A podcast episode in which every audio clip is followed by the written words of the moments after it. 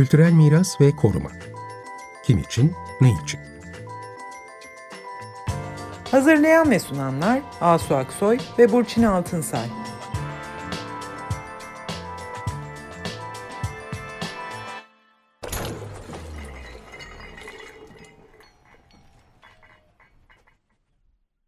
Merhabalar, iyi akşamlar. Ben Asu Aksoy.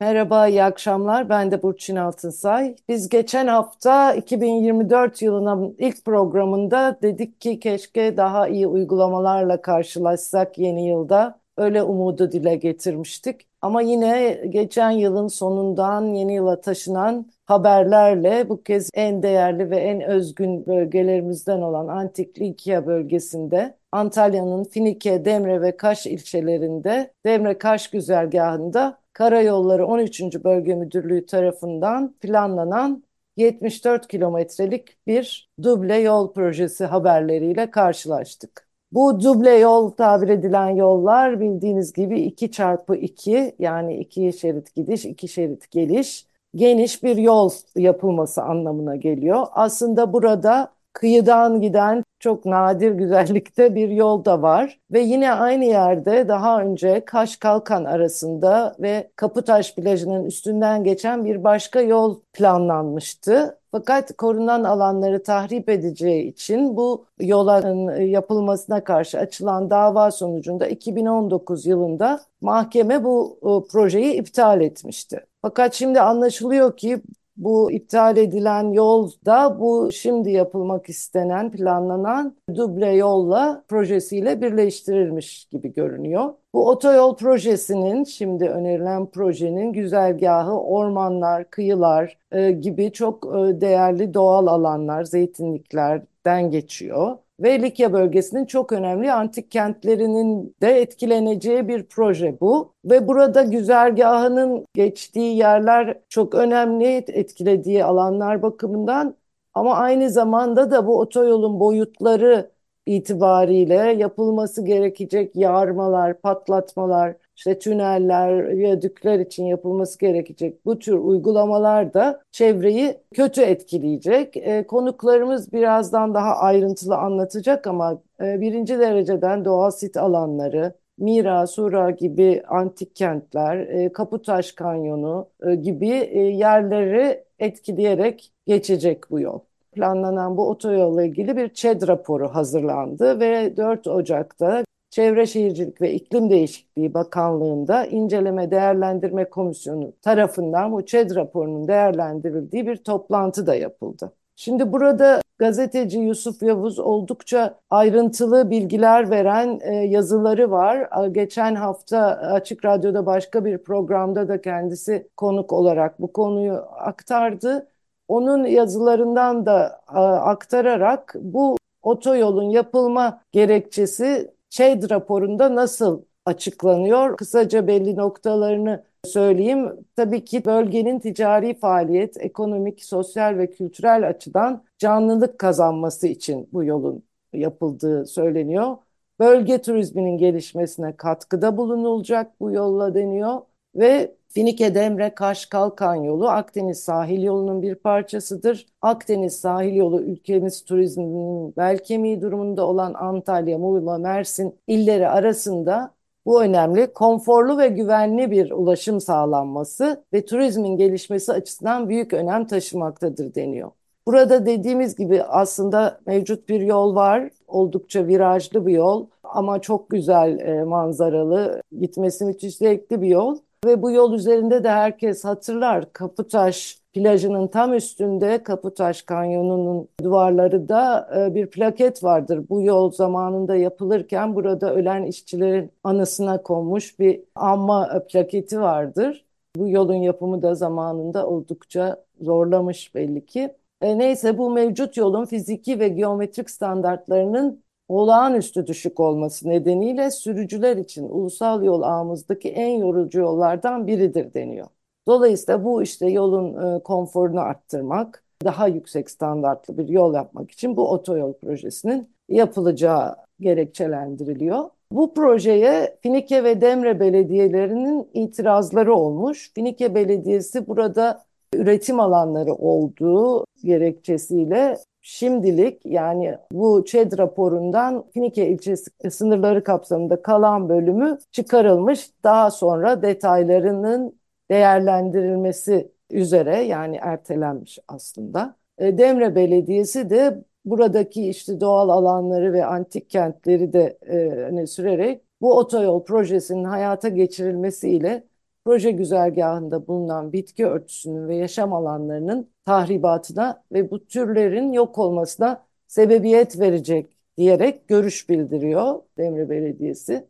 Şimdi bu akşam bu konuyu konuşmak için konuklarımız Tuncay Koç ve Ahmet Akoy. Onlar da buradaki çevre ve kültür üyelerini korumak için bir mücadele içindeler yıllardır. Ve bu son büyük otoyol projesinin de bu özel e, bölgeye, çevreye ve kültürel mirasa etkilerini bize bu akşam aktaracaklar. Konuklarımızı tanıtayım. Önce hoş geldiniz Tuncay Bey ve Ahmet Bey. Hoş geldiniz. Hoş bulduk, iyi yayınlar. Tuncay Koç avukat, e, Ankara Üniversitesi Hukuk Fakültesinden mezun. Antalya Barosu Çevre ve İmar Kurulu'nda 2000 yılından beri çalışmakta. Türkiye Barolar Birliği Çevre ve Kent Hukuku Komisyonu Yürütme Kurulu üyesi. Halen de Çevre ve Ekoloji Hareketi Avukatları, Çağdaş Hukukçular Derneği ve Kaş Çevre ve Kültür Derneği üyesi.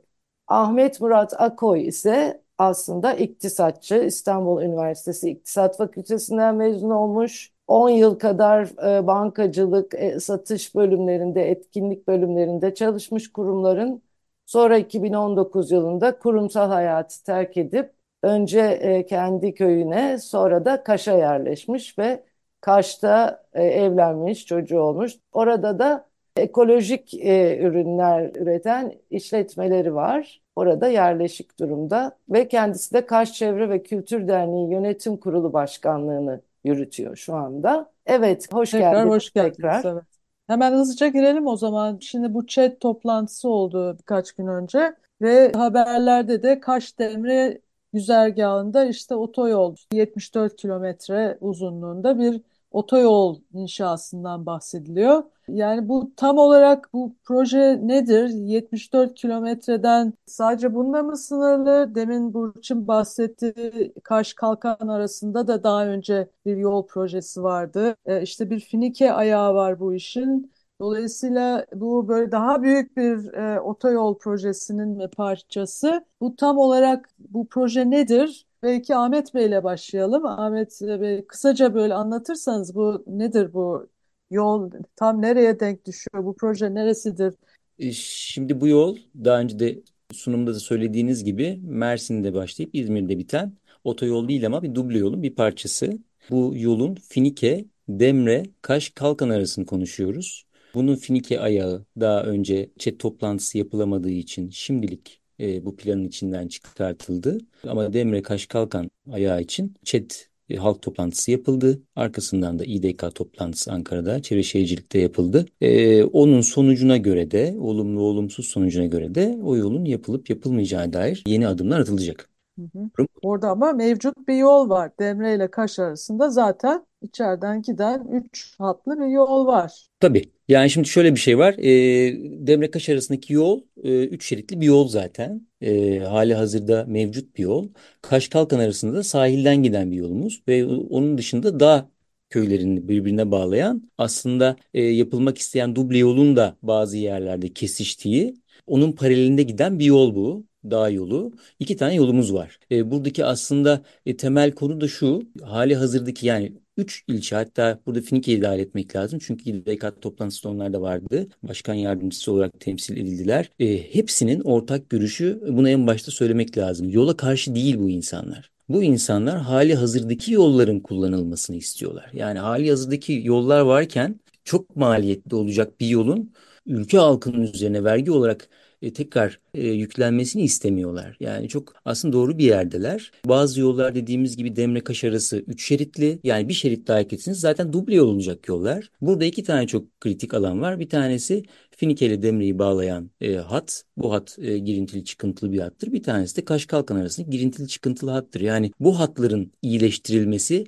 hepimizin isteği fakat sahil yollarına dokunarak değil. Yani dünya standartlarında olduğu gibi yolları içeriden geçirip bu yollara kılcallarla inildiği bir hat oluşturmak. Bunu da yaparken hali hazırdaki yolları kullanmak ki maliyetler düşsün. Çünkü kullanılan yollar sadece doğal, kültürel, tarımsal, arkeolojik değerlerinin dışında çok eğimli bir hat. %45'lere yani %45'lere varan eğimlerin olduğu bir hat ve siz bu yolu 60 metre genişliğinde bir duble yol yapacaksınız. Yani inanılmaz bir harfiyat, inanılmaz bir işçilik çıkacak. Bunun içinde tüneller, viyadükler, köprüler de var. Yani çok ciddi bir coğrafi etkilemiş oluyorsunuz. Halk da diyor ki sen bu kadar büyük bir projeyi bu kadar maliyetlendirmeden ve bu kadar özellikli bir coğrafyaya bu kadar büyük bir zarar vermeden hali hazırdaki yolları kullan. Ne kadar az zarar verirsen buraya o kadar önemli. Çünkü geçtiğimiz alan o kadar özellikli bir alan ki e, yani burada e, Kaş için bakarsak öyle bir yer ki bu coğrafya iki tane ölçekli alanı özel çevre koruma bölgesi olan ender yerlerden bir tanesi zaten Türkiye'de. Bunun yanında dört tane doğal siti bir tane milli parkı, sekiz tane antik kentiyle böyle bir coğrafyadan geçiyoruz. Yani üzerinde endemik türlerin olduğu, bunun sadece Kaş'ta dünyada sadece Kaş'ta olan endemik türlerin olduğu bir yerden geçiriyoruz yolu. Halk da diyor ki bu kadar zarar verme. Bu yolu yap. Biz de istiyoruz ama bunu lütfen olan yolları iyileştirerek yap diyor. Aslında kısaca bunu söylemeye çalışıyor. Burada Hı -hı. da şunu söylemek lazım. Demre Finike'de siyaset üstü meclis üyelerinin talebi bu şekilde. Yani tüm eski yeni belediye başkanları, tüm meclis üyeleri, tüm halkı sesini e, sonuçta bize ulaştırıyorlar ve diyorlar ki biz tüm halkımızla beraber bir yolun vereceği zararı istemiyoruz ve yollarımızın iyileştirmesinden tarafız diyorlar. Burada evet. Tuncay Bey'e de şeyi soralım. Ee, hem eklemek istediğiniz varsa hani bu otoyolun kapsamı nedir? Hem de bu daha önce bir dava oldu ve bir yol iptal edildi. Siz bu süreçte de yer aldınız. O davayla bu yeni yolun o yolla ilişkisi nedir? Evet, Dava açmak bir çare mi? Ta davadan yani evet beklentin yani dava açarak bir yere varılıyor mu bir de değil Şimdi mi? eğer dava açmasaydık 2017 Evet. yılında bu yol e, yapılmış olacaktı. Baş, Hı. e, dolayısıyla o açtığımız dava bu yolu frenledi. E, biz çevre davalarında hep böyle söylüyoruz. Açacağımız davalar kesinlikle bu projeni tamamen bitirmiyor. Ama bir fren mekanizmasıdır. Engelliyoruz. Ama çözüm anlayışın değişmesi, iktidarın değil. Daha önce de 2017 yılında Kaş-Kalkan arasında 28 kilometrelik bir etap vardı. Bu etapta hem antik sitlerden hem doğal sit alanından, Kaputaş birinci derecede doğal sit alanından geçiyordu. Yaklaşık 3 kilometresi. Bu yola iki tane dava açtı. Davaların birincisi ÇED gerekli değildir kararınaydı. 2019 yılında mahkeme e, iptal etti iptal gerekçesinden e, önemli iki üç cümle okumak istiyorum. Yol projesi güzergahlarında birinci derecede doğal sit alanı, birinci derece ve diğer derecelerde tescilli ve ayrıca tescilsiz arkeolojik sit alanlarına geri dönülemez etkilerin olabileceği, projenin inşaat ve işletme dönemi oluşabilecek toz, vibrasyon, gürültü, toprak kaybı ve kirlenmesi yüksek su tüketimi, atık su, hava kirleticileri oluşumu ve dağılımı, artan konut ve insan faaliyet baskısı gibi başlıca çevresel etkiler ile flora faunanın olumsuz etkileneceği, habitat kayıplarına yol açacağı gibi nedenlerle diyor. Bir de Kaputaş andizotuna da atıf yapıyor. Bu nedenlerle uygun görülmemişti deyip iptaline karar veriyor. Dolayısıyla böyle bir alan için çet olumlu kararı alınması gerekir diyor. Bizim açtığımız ikinci dava ise Kaputaş birinci derecede sit alanından yolun otoyolun geçmesine izin veren Tabiat Varlıkları Koruma Müdürlüğü'nün izin kararına ait. Şimdi birinci derecede de tab tabiat alanlarında yapılacak işler ilke kararlarıyla sınırlandırılmıştır. Sadece çok gerekli altyapı işleri, su, elektrik, oradan yol da geçer ama yol ulaşımı zorunlu olan patika yollar e, ulaşım zorunlu olan yollardır. Otoyol değildir. Düşünebiliyor musunuz? Birinci derecede yani mutlak korunması gerekli alandır bizim birinci derecede. Hem antik sit olarak hem doğal sit olarak. Mutlak korunması gerekli alandan bir otoyol geçirilebilir mi? Yani bir koruma mantığı. 2863 sayılı yasa da buna izin vermiyor. Ve buna dava açtığımız mahkeme çok güzel bir gerekçeyle hemen yürütmeyi durdurma vermişti. Gerekçesi gerçekten çok güzeldi. Ve o mahkemenin ilk verdiği iptal kararında keşfe bile gerek duyulmamıştı. Teorik olarak hı demişti ki hayır sen e, birinci derecede sit alanında otoyol yapamazsın diye çok güzel gerekçeli iptal verdi. Ama üst derece mahkemesi bunu bozdu. Ya sen bir keşfe git diye bozdu. Mahkeme başkanı orada ayrı koy kullandı. Karşı oy. Mahkeme başkanı diyordu ki bu karar çet gerekli değildir. Karar içinde verilmiştir. Dolayısıyla bağımsız bir karar değildir. Dava edilemez usul yönünden reddedilsin. Ama diğer iki hakim yok. Bu dava edilebilir karar dedi. Bozdu. İlk derece mahkemesi tekrar yolladı. İlk derece mahkemesinin bütün hakimleri değişmiştir. Keşfe çıkıldı. Dikkat ederseniz birinci veren, e, kararı veren hakimler oy birliğiyle vermişti karar. Yani ortada dava edilebilir bir işlem var demişlerdi. Mahkemenin bozmasıyla keşfi çıkıldı. Gelen raporda burada doğal sit alanına geri dönülemez zararlar verilecektir diye tekrar iptal kararı çıktı bilirkişi raporuyla. Üst mahkemeye gitti. Ama üst mahkemede bu sefer bir üye yer değiştirmişti. Gelen üye başkanla beraber hayır bu dava edilemez bir karar, icrai bir karar değildir dedi. Başkan da ayrı koyu vardı ilk kararda, bozma kararında.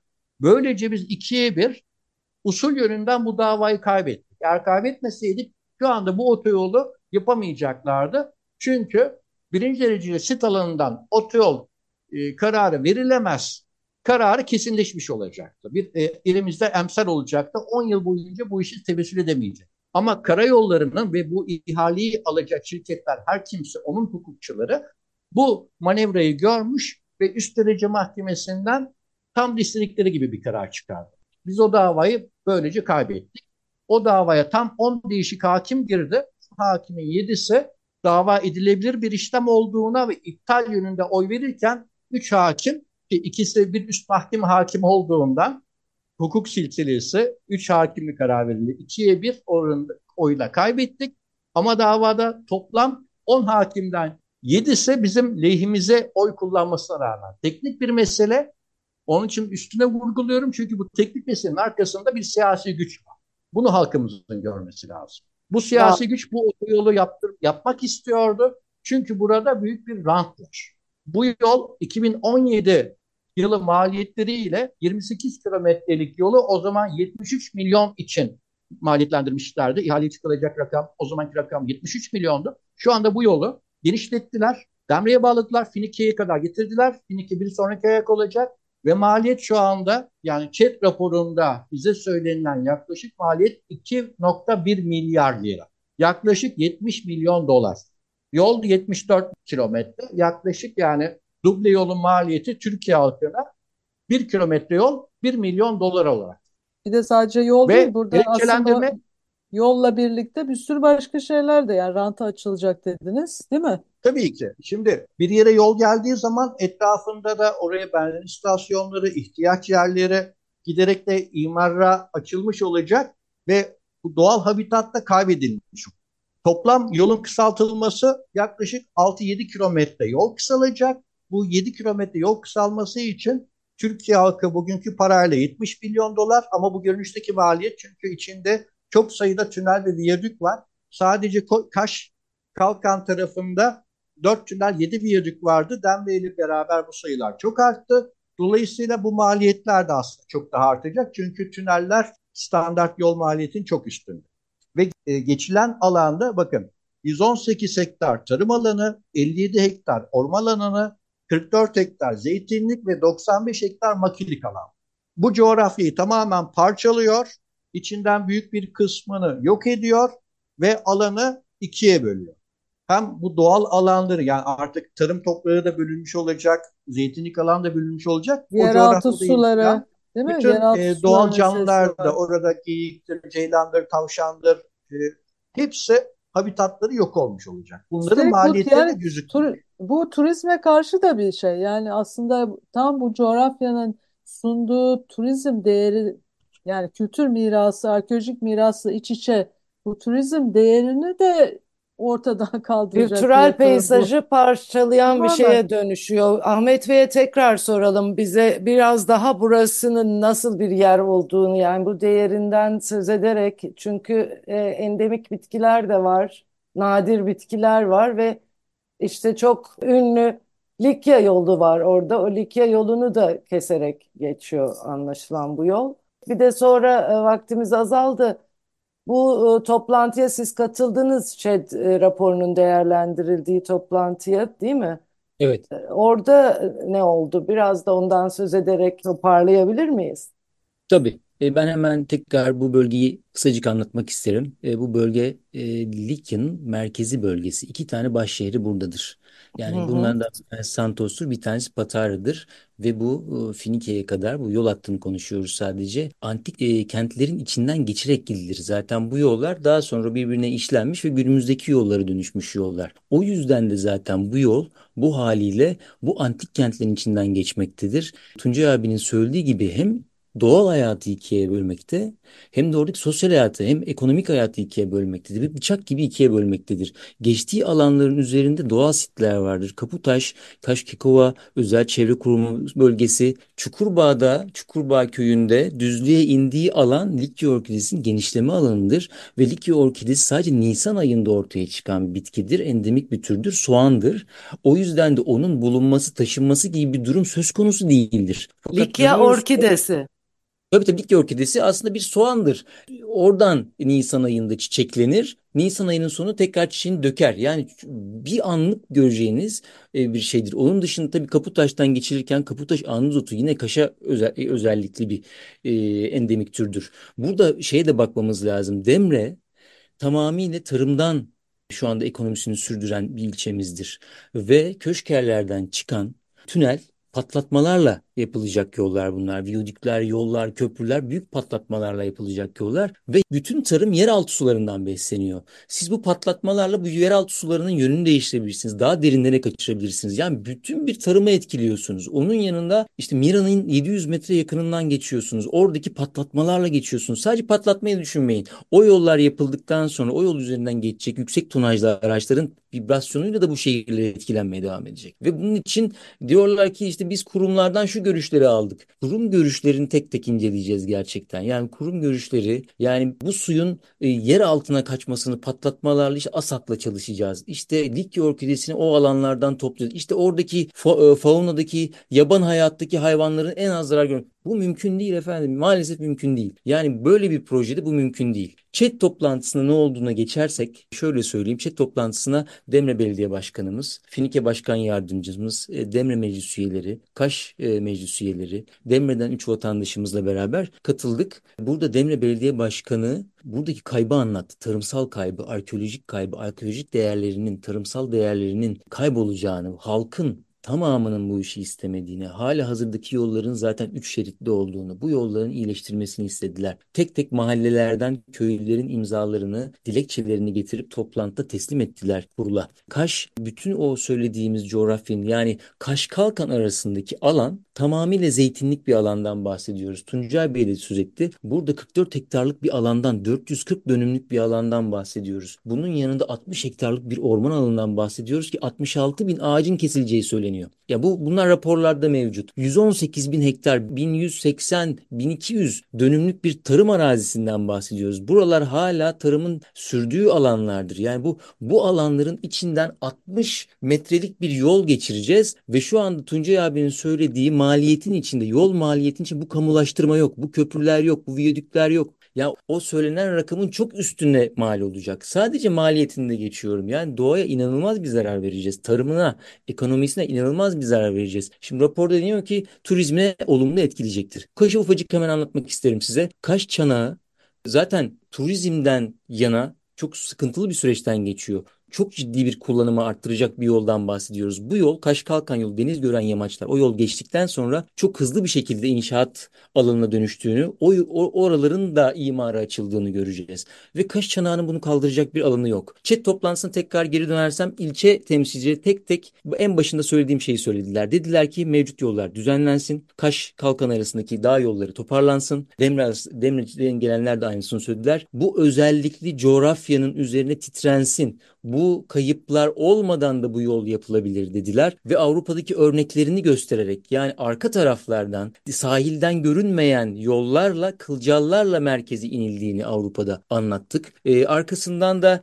tabii chat toplantısının sonucunda da şöyle bir şey oldu. E, kurul şöyle bir karar aldı. Bütün o patlatmaların sonucu 19 milyon metreküp bir moloz ortaya çıkıyor. Bunun 12 milyon metreküpünün nereye konulacağı belli olmadığı ortaya çıktı toplantıda. 12 milyon metreküpün ne Finike'de ne Demre'de ne Kaş'ta kullanılacağı bir yer yok. O büyüklükte bir alan yok. Bu moloz ne olacak? Bu moloz dağları ne olacak? Bunların bir cevabı olmadığı söylendi. İkincisi Pınarbaşı'nın altından geçen tünelle ilgili Ulaştırma Bakanlığı'ndan, Altyapı Genel Müdürlüğü'nden evrağın alınmadığını söylendi. Bir de Tarım İl Müdürlüğü'nün tarım dışı kullanımlar için onay vermediği söylenerek aslında bir chat toplantısı olumludur dendi ama eksik belgelerden dolayı bu eksik belgeler tamamlansın ondan sonra karar verilecek dendi. Bu Ya şekilde bir bundan sonra Kayda geçti. tekrar yani. Evet. Kayda Evet, geçti yani en Kayda azından. geçen şeylerin arasında şu da var. Tabii ki biz şerh koyduk. Bu karara katılmıyoruz şerhini tabii ki o tutanağa eklettik. Tabii ki bundan sonraki süreçleri takip edeceğiz. Oradaki belgelerin tamamladıktan sonra yeniden bir İDK toplantısı yapılırsa yine orada olacağız. Olumlu karar çıkarsa da hakkımızı hukuk yoluyla arayacağız. Çok teşekkür Evet. ederiz.